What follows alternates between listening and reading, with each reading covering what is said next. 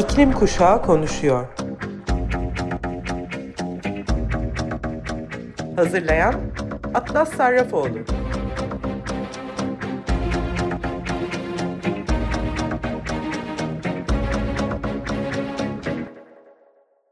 Hepinize merhaba Sayın Açık Radyo dinleyicileri. İklim Kuşağı Konuşuyor programına hepiniz hoş geldiniz. Ben Atlas Sarrafoğlu. Her hafta Cuma günü Açık Radyo'da yayınlanan programa bu haftanın bence en önemli olan haberiyle başlamak istiyorum. En önemli haberi derken aslında tüm manşetlerde görmemiz gereken ama maalesef ana akım medyada küçücük bir köşede bile göremediğimiz bir haber bu. Evet 3 ve 4 Temmuz günleri peş peşe kırılan ortalama sıcaklık rekorlarından bahsetmek istiyorum.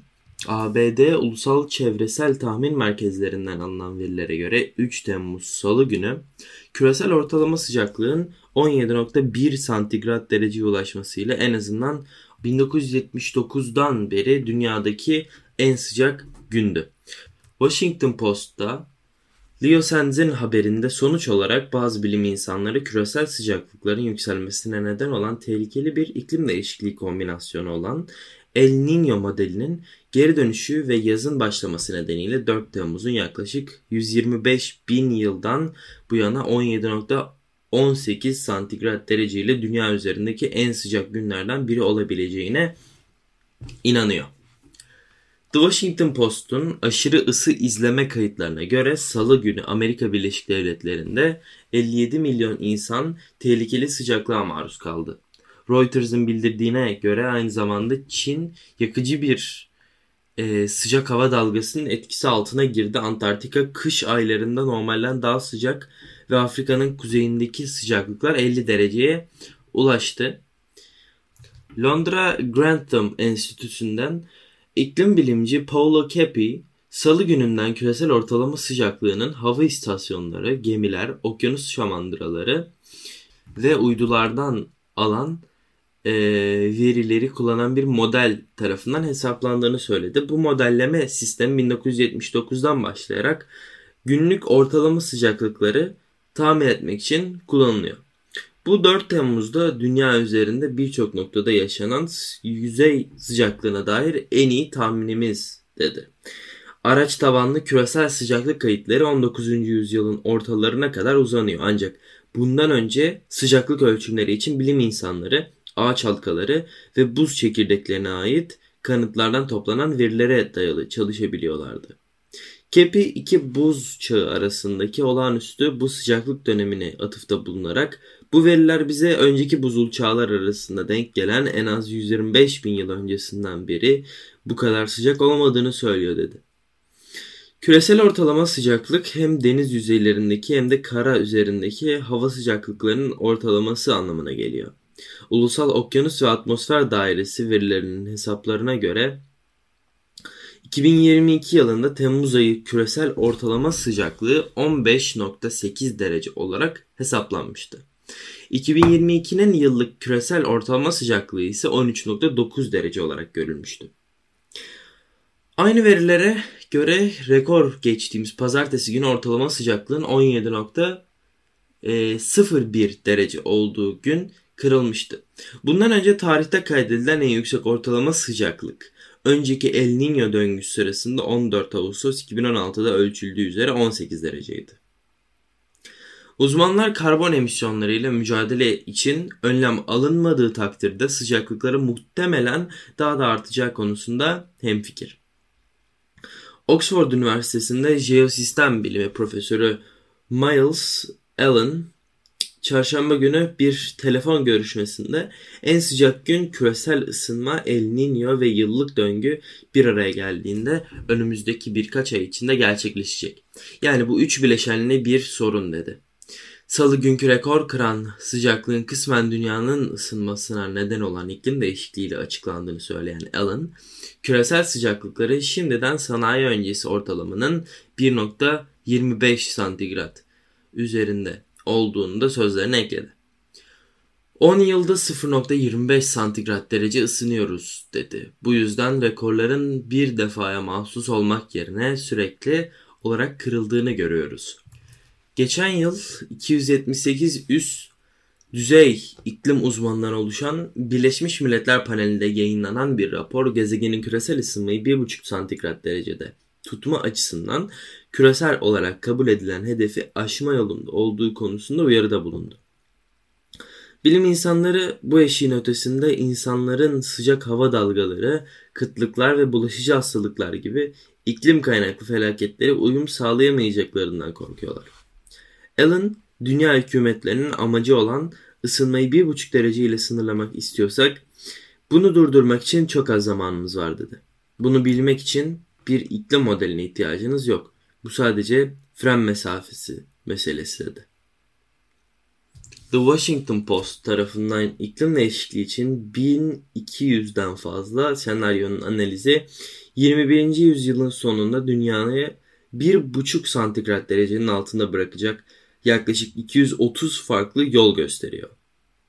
Bununla birlikte en iyi senaryolar dünyanın fosil yakıt emisyonları için herhangi bir net sıfır hedefinin çok ötesine geçmesini ve atmosferden verdiğinden daha fazla karbondioksit çıkarmaya başlamasını gerektiriyor. Allen sorunun çözümü aslında oldukça basit. Karbondioksiti ya üretildiği yerde yakalamak ya da atmosferden geri alıp yer altına bırakmak. Bunu yapsaydı kesinlikle çok daha az fosil yakıt kullanırdık dedi. Önümüzdeki aylarda bilim insanları El Niño'nun 4 yıllık bir aradan sonra geri dönmesi nedeniyle daha fazla rekor seviyede sıcak günler bekliyorlar. Haziran ayında bilim insanları atmosferi daha fazla e, ısı tutmasına sebep olan fenomenin geri döndüğünü açıklamışlardı.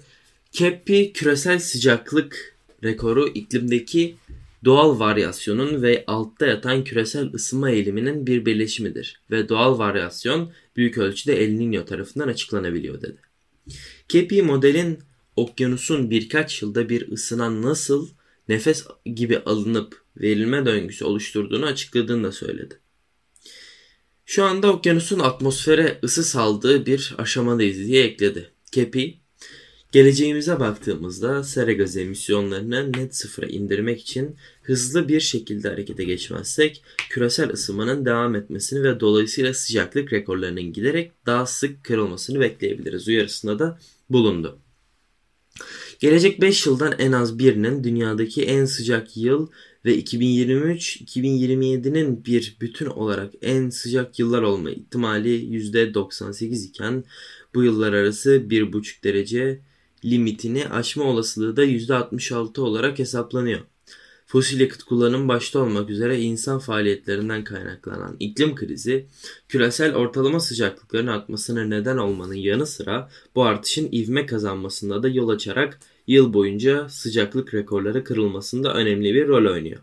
Ama insan sağlığı üzerindeki etkileri de oldukça büyük. Bu hafta birçok iklim krizi ve sıcaklıkla ilgili araştırma sonucuna yer veriyorum programımda. Ee, Dünya Sağlık Örgütü kısa adıyla DSÖ Genel Direktörü Tedros El Niño hava fenomeninin neden olacağı iklimsel koşullara bağlantılı olarak huması, Zika ve Chikungunya gibi viral hastalıkların hızlı bir şekilde yayılabileceğini söylerken örgütün buna karşı hazırlandığını söyledi. El Niño'nun dönüşü muhtemelen bu yılın ilerleyen zamanlarında savunmasız Pasifik adalarına doğru dönen tropik siklonlardan Güney Amerika'daki yoğun yağışlara, Avustralya'daki ve Asya'nın bazı bölgelerindeki kuraklıklara kadar aşırı hava olaylarına neden olacak. Tedros, DSÖ 2023 ve 2024'de Dan humması ve Zika ve Chikungunya gibi arbovirüslerin bulaşmasını artırabilecek bir El Niño olayının damgasını vuracağı çok yüksek bir olasılık için hazırlanıyor dedi. Dünya Sağlık Örgütü Genel Direktörü ayrıca iklim değişikliğinin sivrisinek üremesinin e, korkunç derecede körüklediğini ve dank humması vakalarında son yıllarda özellikle ABD'de keskin bir şekilde arttığı konusunda da uyardı. Peru bu yıl çoğu bölgede olağanüstü hal ilan etti ve ülkenin Sağlık Bakanı Rosa Gutierrez geçen hafta Dankunmas vakalarındaki artışın ardından istifa etti. Ateş, göz, baş, kas ve eklem ağrıları, mide bulantısı, kusma ve halsizlik gibi belirtilerle seyreden hastalık Aedes aegypti e, sivrisineklerinin ısırmasıyla bulaşıyor. Yine insan sağlığı ve iklim krizi bağlantısına ek olarak yeni bir araştırma e, sonucunda Holosen dönemde yaşanan ısınmada modern insanların beyin boyutunda %10'dan fazla bir küçülme gerçekleşti. Brain Behavior and Evolution'da yayınlanan bir makale iklim değişikliğine beyin boyutunun evrimini etkileyen potansiyel bir faktör olarak ele alıyor. Araştırma beyin boyutlarında gözlemlenen küçülmelerin yaklaşık 15 bin yıl önce başlayan çevresel strese tepki olarak doğal seçiliminden kaynaklanmış olabileceğini ortaya koyuyor. Doğa Tarihi Müzesi'nin yönetimi kurulu üyesi ve araştırmanın sahibi olan Jeff Morgan Stibel, bilişsel bir bilim insanı olarak homininlerde, hominini grubundan olan primatlarda yani beynin zaman içinde nasıl değiştiğini anlamak kritik öneme sahip. Ancak bunu bu konuda çok az çalışma yapıldı ve ekliyor. Beynin son birkaç milyon yılda türden e, kendi arasında büyüdüğünü biliyoruz ancak diğer makro evrimsel eğilimler hakkında çok az şey biliyoruz. Son kitabım Breakpoint'te beyin boyutundaki azalmalardan bahsetmiştim. Dolayısıyla bu araştırma bu değişikliklerin nedenlerini keşfetmenin doğal bir uzantısıydı. Çalışmada 298 insandan kalıntı örneğin kullanıldığı vücut büyüklüğü tahminlerinin beyin büyümesi farklılıklarını kontrol etmek üzere enlem ve cinsiyetten elde edildiği bildirildi. Fosiller araştırma kapsamında 100 yıllık, 5000 yıllık, 10 bin yıllık ve 15 bin yıllık gruplara ayrıldı. Çalışmada beyin boyutu verileri 4 iklim kaydıyla karşılaştırıldı. Cypost'un aktardığına göre Stibel, anlaşılması gereken en önemli şey insan beyninin gelişmeye devam ettiğidir. Burada beyin boyutlarında 5-17 bin yıl gibi bir kısa süre meydana gelen makro evrimsel eğilimler bulduk diyor. Stibel sözlerine şöyle devam ediyor. Holozen ısınma dönemi yaklaşık olarak son 10 bin yılı kapsayan jeolojik evre modern insanlarda beyin boyutunda %10'dan fazla bir küçülmeye ulaştı. Küresel sıcaklıklar artmaya devam ederse bu insan beyni üzerinde artan evrimsel baskı oluşturabilir. Araştırmacı ayrıca nem ve yağış seviyelerinin de beyin boyutu üzerinde etkili değişken olduğunu, yağmurun az olduğu veya hiç olmadığı dönemlerin daha büyük beyin boyutu ile ilişkilendirildiğini kaydetti. Bununla birlikte bu faktörlerin tahminler üzerinde daha düşük bir etkisi bulunuyor. Son olarak araştırmacı oldukça önemli bir organ olmasına rağmen insan beyni hakkında bu kadar az şey bilmemiz şaşırtıcı diye de ekliyor. Sadece insanları değil diğer canlıları da etkilediğine dair başka bir haberi de iklim masasında duyurduğu yeni bir araştırmada okudum. Bunu şimdi sizinle paylaşmak istiyorum.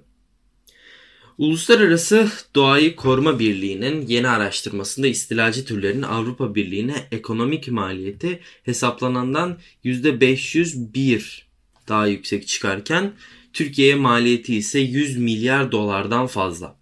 Gelecek projeksiyonlara göre bu maliyet 2040'ta 148 milyar dolara ulaşacak.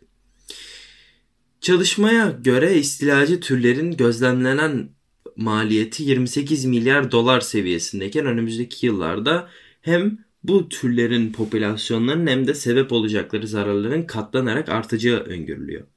Araştırmada bu türlerin maliyetinin 2040 yılına kadar 148.2 milyar dolara ulaşacağı hesaplanmış.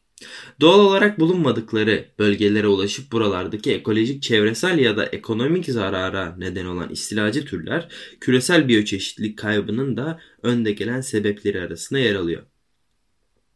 İklim değişikliği ise bu zararlı türlerin yayılışını kolaylaştırıyor. Uluslararası Doğayı Koruma Birliği'ne göre istilacı türler ekstrem hava olayları nedeniyle yeni bölgelere taşınabiliyor. Üstelik iklim değişikliği bu habitatların istilalara olan direncini de zayıflatabiliyor. Artan sıcaklıklar istilacı türlerin daha yüksek enlemlerde ve rakımlarda yayılabileceğine ve yerli türleri olumsuz yönde etkileyecek ekolojik etkileşimlere girmesini de mümkün kılıyor. Olumsuz ekolojik, sağlık ve ekonomik etkileri olan bu türlerin ekonomik maliyetine dair olumsuz e, yönde e, hesaplamalar e, resmin tamamını görmeye yetecek ölçüde kapsamlı değil henüz. Kıtalar arası geçiş noktasında yer alan ve uzun sınırlara sahip olan Türkiye bu eşsiz coğrafi yapısının yanı sıra büyük bir nüfusa sahip olması ve ticari faaliyetlerinin yüksek olması nedeniyle de istilacı türlerden fazlaca etkilenecek ülkeler arasında. Son olarak da çok önemli olduğunu düşündüğüm bir makale var Yeşil Gazete'de Cemre Nair'in çevirisiyle Timothy Nation yazısını mevcut emisyon gidişatımızı değiştirme, değiştirmediğimiz sürece Antarktika açısından bizi neler bekliyor kısmının e, alıntısında bulunmak istiyorum. E, 2070 yılına kadar Antarktika üzerindeki iklim endüstri önce sıcaklıkların 3 derece üzerine çıkacak. Güney Okyanusu da 2 derece daha sıcak olacak. Sonuç olarak yaz mevsiminde dünya buzunun %40 %45'inden fazlası kaybolacak ve Antarktika üzerindeki yüzey okyanusu ve atmosfer beyaz deniz buzunun yerini koyu renkli okyanusun alması daha fazla güneş ışını emmesi ve ısı olarak yeniden yayılması nedeniyle daha hızlı ısınacak. Bu da tropik bölgelerden gelen atmosferik nehirlerdeki sıcak ve nemli havanın daha güneye nüfuz etmesine neden olacak. Antarktika iklimindeki bu hızlandırılmış ısınma kutupsal amplifikasyon olarak bilinen bir olgu. Bu durum hali hazırda 1.2 derecelik küresel ortalamadan 2 ila 3 kat daha hızlı ısınan Kuzey Kutbu'nda yaşanırken deniz buzunun kalıcı kaybı ve Grönland'ın buz tabakasının erimesi gibi dramatik sonuçlar doğuruyor. Isınan sular Antarktika buz tabakasını dengeleyen yüzey buz uzantıları olan buz sahanlıklarını eriterek buzun okyanusa akışını yavaşlatıyor. Buz sahanlıkları yerel okyanus sıcaklıkları eşikleri aşıldığında bir kritik eşiği geçebilir ve öncesinde deniz tabanına temas ederek sabit kalmalarını sağlayan kısımlarda inceleyerek yüzer hale gelebilir. Yüzeydeki erime de buz tabakalarını zayıflatır. Bazı durumlarda yüzeydeki su tabakaları e, çatlakları doldurarak daha sonra geniş alanlara uzanan feci parçalanmalara neden olabilir. 2070 yılına geldiğinde okyanus ve atmosferdeki ısı birçok buz sahanlığının eriyerek buzdağlarına dönüşmesine ve hacimlerinin dörtte birini tatlı su olarak okyanusa bırakmasına neden olacak. 2100 yılına kadar buz sahanlıklarının %50'si yok olacak. 2150 yılına kadar ise tamamı erimiş olacak. Doğu Antarktika buz tabakasının büyük bir kısmı ve Batı Antarktika buz tabakasının neredeyse tamamı deniz seviyesinin altındaki derin çukurlarda kayaların üzerine oturuyor. Buz tabakasını tutan buz sahanlıkları olmadan buzul yer çekiminin etkisiyle daha da hızlı bir şekilde çökerek okyanus sularına karışacak. Söz konusu buz kütleleri deniz buz tabakası istikrarsızlığı adı verilen geri dönüşü olmayan bir sürece karşı savunmasız. Buzun kenarları sıcak okyanus sularının devam eden taşkınıyla derin havzalara doğru çekildikçe buz kaybı hepsi yok olana kadar hızlanan bir oranda kendi kendine devam ettiren bir hale gelir. Deniz buzu uçurum istikrarsızlığı olarak adlandırılan bir başka pozitif geri besleme, geri çekilen buz tabakasının kenarlarındaki uçurumların dengesiz hale gelmesi ve devrilmesi domino taşları gibi sürekli olarak kendi ağırlığının altında çöken daha fazla uçurumları ortaya çıkarması anlamına gelir. Buz tabakası modelleri küresel ısınmanın 2 derecenin altında sınırlanmadığı bir durumda gelecek nesiller Grönland ve Antarktika buz tabakalarının deniz bölümlerinin durdurulamaz bir şekilde geri çekilmesine ve küresel deniz seviyesinin 24 metre kadar yükselmesine maruz kalacak. Evet programın sonuna geldim. Raporlar, makaleler, haberler hepsi söylüyor. Yanıyoruz sayın dinleyiciler. Sadece şu anda yazı yaşayan Kuzey Küre değil tüm dünyada rekorlar kırılıyor. Gazetelerin manşetinde, televizyonda haberlerin ana konusu olarak görmemiz gereken bu haberler bir şekilde hepimizden saklanıyor. Bence hepimizin görevi iklim krizi hakkında bilgi edinip bunu çevrelerimize e, bu bilgileri yaymak olmalı. Ben de Midnight Oil'dan Beds Are Burning isimli şarkıyı seçtim. Bugün konumuza uygun olarak dünyamız dönerken nasıl dans edebiliriz? Yataklarımız yanarken nasıl uyuruz diyor şarkıda. Ben Atlas Sarrafoğlu. Gelecek hafta Cuma 14'te yine İklim Kuşağı Konuşuyor programında buluşana kadar kendinize, sevdiklerinize ve en önemlisi gezegenimize lütfen iyi bakın. Görüşmek üzere.